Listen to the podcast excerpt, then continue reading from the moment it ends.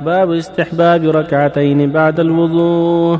عن أبي هريرة رضي الله عنه أن رسول الله صلى الله عليه وسلم قال لبلال يا بلال حدثني بأرجى عمل عملته في الإسلام فإني سمعت دفا عليك بين يدي في الجنة. قال ما عملت عملا أرجى عندي من أني لم أتطهر طهورا في ساعة من ليل أو نهار. إلا صليت بذلك الطهور ما كتب لي أن نصليه متفق عليه. وهذا لفظ البخاري. باب فضل يوم الجمعة ووجوبها والاغتسال لها والطيب والتبكير إليها والدعاء يوم الجمعة والصلاة على النبي صلى الله عليه وسلم. وفيه بيان ساعة الإجابة واستحباب إكثار ذكر الله تعالى بعد الجمعة. قال الله تعالى فإذا قضيت الصلاة فانتشروا في الأرض وابتغوا من فضل الله واذكروا الله كثيرا لعلكم تفلحون. وعن ابي هريره رضي الله عنه قال قال رسول الله صلى الله عليه وسلم خير يوم طلعت عليه الشمس يوم الجمعه فيه خلق آدم وفيه ادخل الجنه وفيه اخرج منها رواه مسلم. وعنه رضي الله عنه قال قال رسول الله صلى الله عليه وسلم من توضأ فأحسن الوضوء ثم أتى الجمعة فاستمع وأنصت. غفر له ما بينه وبين الجمعة وزيادة ثلاثة أيام. ومن مس الحصى فقد لغاه رواه مسلم. وعنه رضي الله عنه عن النبي صلى الله عليه وسلم قال الصلوات الخمس والجمعة إلى الجمعة ورمضان إلى رمضان مكفرات ما بينهن إذا اجتنبت الكبائر. رواه مسلم. بسم الله الرحمن الرحيم. الحمد لله وصلى الله وسلم على رسول الله وعلى آله وأصحابه ومن اهتدى به أما بعد الحديث الأول في الدلالة على شرعية ركعتي الوضوء. سن من توضا يصلي ركعتين وفيها فضل كبير. وكان النبي صلى الله عليه وسلم إذا توضأ صلى ركعتين وقال عثمان رضي الله عنه سمع النبي يقول من توضأ نحو وضوء هذا ثم صلى ركعتين لا يحدث فيما نفسه غفر الله له ما تقدم من ذنبه. فيستحب لمن توضأ أن يصلي ركعتين في أي وقت لأنها من ذوات الأسباب توضأ الضحى والظهر أو في الليل أو العصر السنة يصلي ركعتين. يقال لها سنة الوضوء. وهي من أسباب المغفرة. ونفس الوضوء من أسباب المغفرة. فإذا صلاهما مع خشوع كان سببا آخر من أسباب المغفرة. وفي الحديث الثاني وما بعده فضل يوم الجمعة وعظم شأنها. والجمعة فرض على المسلمين. هي إحدى الصلوات الخمس. يوم الجمعة هي إحدى الصلوات الخمس. بدلا من الظهر. فيقول جل وعلا يا أيها الذين آمنوا للصلاة من يوم الجمعة فاسعوا إلى ذكر الله وذروا البيع. ذلك خير لكم إن كنتم تعلمون. الجمعة أمرها عظيم وشأنها كبير. يقول صلى الله عليه وسلم لا ينتهين أقوام عن تركهم الجمعات أو لا يختمن الله على قلوبهم ثم لا يكونون من الغافلين.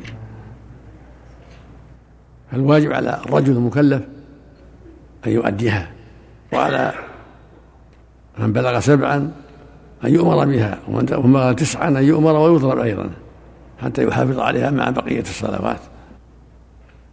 يقول فيها صلى الله عليه وسلم خير يوم طلعت فيه الشمس يوم الجمعة. خير خير يوم طلعت يعني خير أيام الأسبوع هذا اليوم يوم الجمعة. فيه خلق آدم عليه أبونا عليه الصلاة والسلام خلق يوم الجمعة العصر. وفيه يدخل الجنة وفيه أخرج منها. وفيه ساعة لا يوافق أحد مسلم. يسأل الله عز وجل شيء إلا أعطاه إياه. وفيه تقوم الساعة هذا اليوم العظيم. ويقول صلى الله عليه وسلم من تطهر في بيته ثم أتى الجمعة فصلى ما قدر له ثم أنصت حتى يفرغ عن خطبته ثم يصلي معه إلا غفر له ما بينه وبين الجماعة الأخرى. وفضل ثلاثة أيام. فالمحافظة عليها من أسباب المغفرة والسنة لها يتطهر في بيته ويلبسها من خير ثيابه ويطيب. ثم يأتي الجمعة فيصلي ما يسر الله له اثنتين أربع ثمان أكثر. في المسجد قبل الصلاة يصلي ما يسر الله ما في حد محدود. يصلي اثنتين أقل شيء أو أربع أو ستا أو ثمانا يسلم من كل اثنتين. لأنه وقت وقت صلاة الضحى كله. ثم إذا دخل الإمام أنصت الخطبة. ثم يصلي بعدها أربعا تسليمتين هذا هو السنة والأفضل. فالمحافظة عليها وأداؤها مع الإمام على وجه المشروع من أسباب المغفرة. لما بينه وبين الجمعة الأخرى أو فضل ثلاثة أيام لأن الحسنة بعشر أمثالها ويقول عليه الصلاة والسلام الصلوات الخمس والجمعة إلى الجمعة ورمضان إلى رمضان مكفرات لما بينهن ما لم تغش الكبائر. هذه في الحذر من الكبائر وأن مكائب كبائر الذنوب من أسباب حرمان المغفرة. فيجب الحذر منها. والله جل وعلا جعل الصلوات الخمس والجمعة إلى الجمعة ورمضان إلى رمضان كفارة لما بينهن من صغائر الذنوب. أما الكبائر فلا بد من التوبة منها كبائر كالزنا والعقوق قطيعة الرحم وكل الربا وكل مال اليتيم وظلم الناس. وغير ذلك من الكبائر هذه لا بد فيها من التوبة. مجرد أداء الصلوات وما ذكر معها ما يكفي. لا بد من توبة صادقة. لا بد حذر من كبائر الذنوب. لأن الله يقول سبحانه إن تجتنبوا كبائر ما يكفر عنكم سيئاتكم. فلا بد من اجتنابها حتى تكفر السيئات. واجتنابها يكون بالتوبة والندم والإقلاع والعزم ألا يعود فيها. هذا اجتنابها. تركها والحذر منها خوفا من الله وتعظيما لله وطاعة له وعزما صادقا ألا يعود فيها. مع الندم على ما مضى من ذلك. وفق الله الجميع. أحسن الله إليك. مس الحصى المقصود باللعب بالحصى. العبث العبث. العبث بالحصى. تنتفي العلة الآن أحسن الله إليك لأن المساجد الآن الحمد لله. تكاد تكون مبلطة لكن قد قد يعمل بشيء آخر. نعم. أحسن الله عليك حديث أبو هريرة من توضأ بأحسن الوضوء ثم أتى الجمعة. هل هذا حديث صارت لحديث الغسل واجب؟ هذا من أدلة عدم الوجوب نعم. لأن رواية من توضأ تدل على أن الغسل هو واجب سنة مؤكدة. نعم. عليك. ساعة استجابة عند صعود الإمام المنبر. يأتي تأتي تأتي الأحاديث عند درس الآخر إن شاء الله. وقت جلوس المنبر محل إجابة. إذا دعا بين في صلاته أو بين الخطبتين هذا من أسباب الإجابة. وكذلك بعد العصر إلى غروب الشمس لمن جلس ينتظر الصلاة من أسباب الإجابة من ساعة الإجابة. الوضوء في البيت.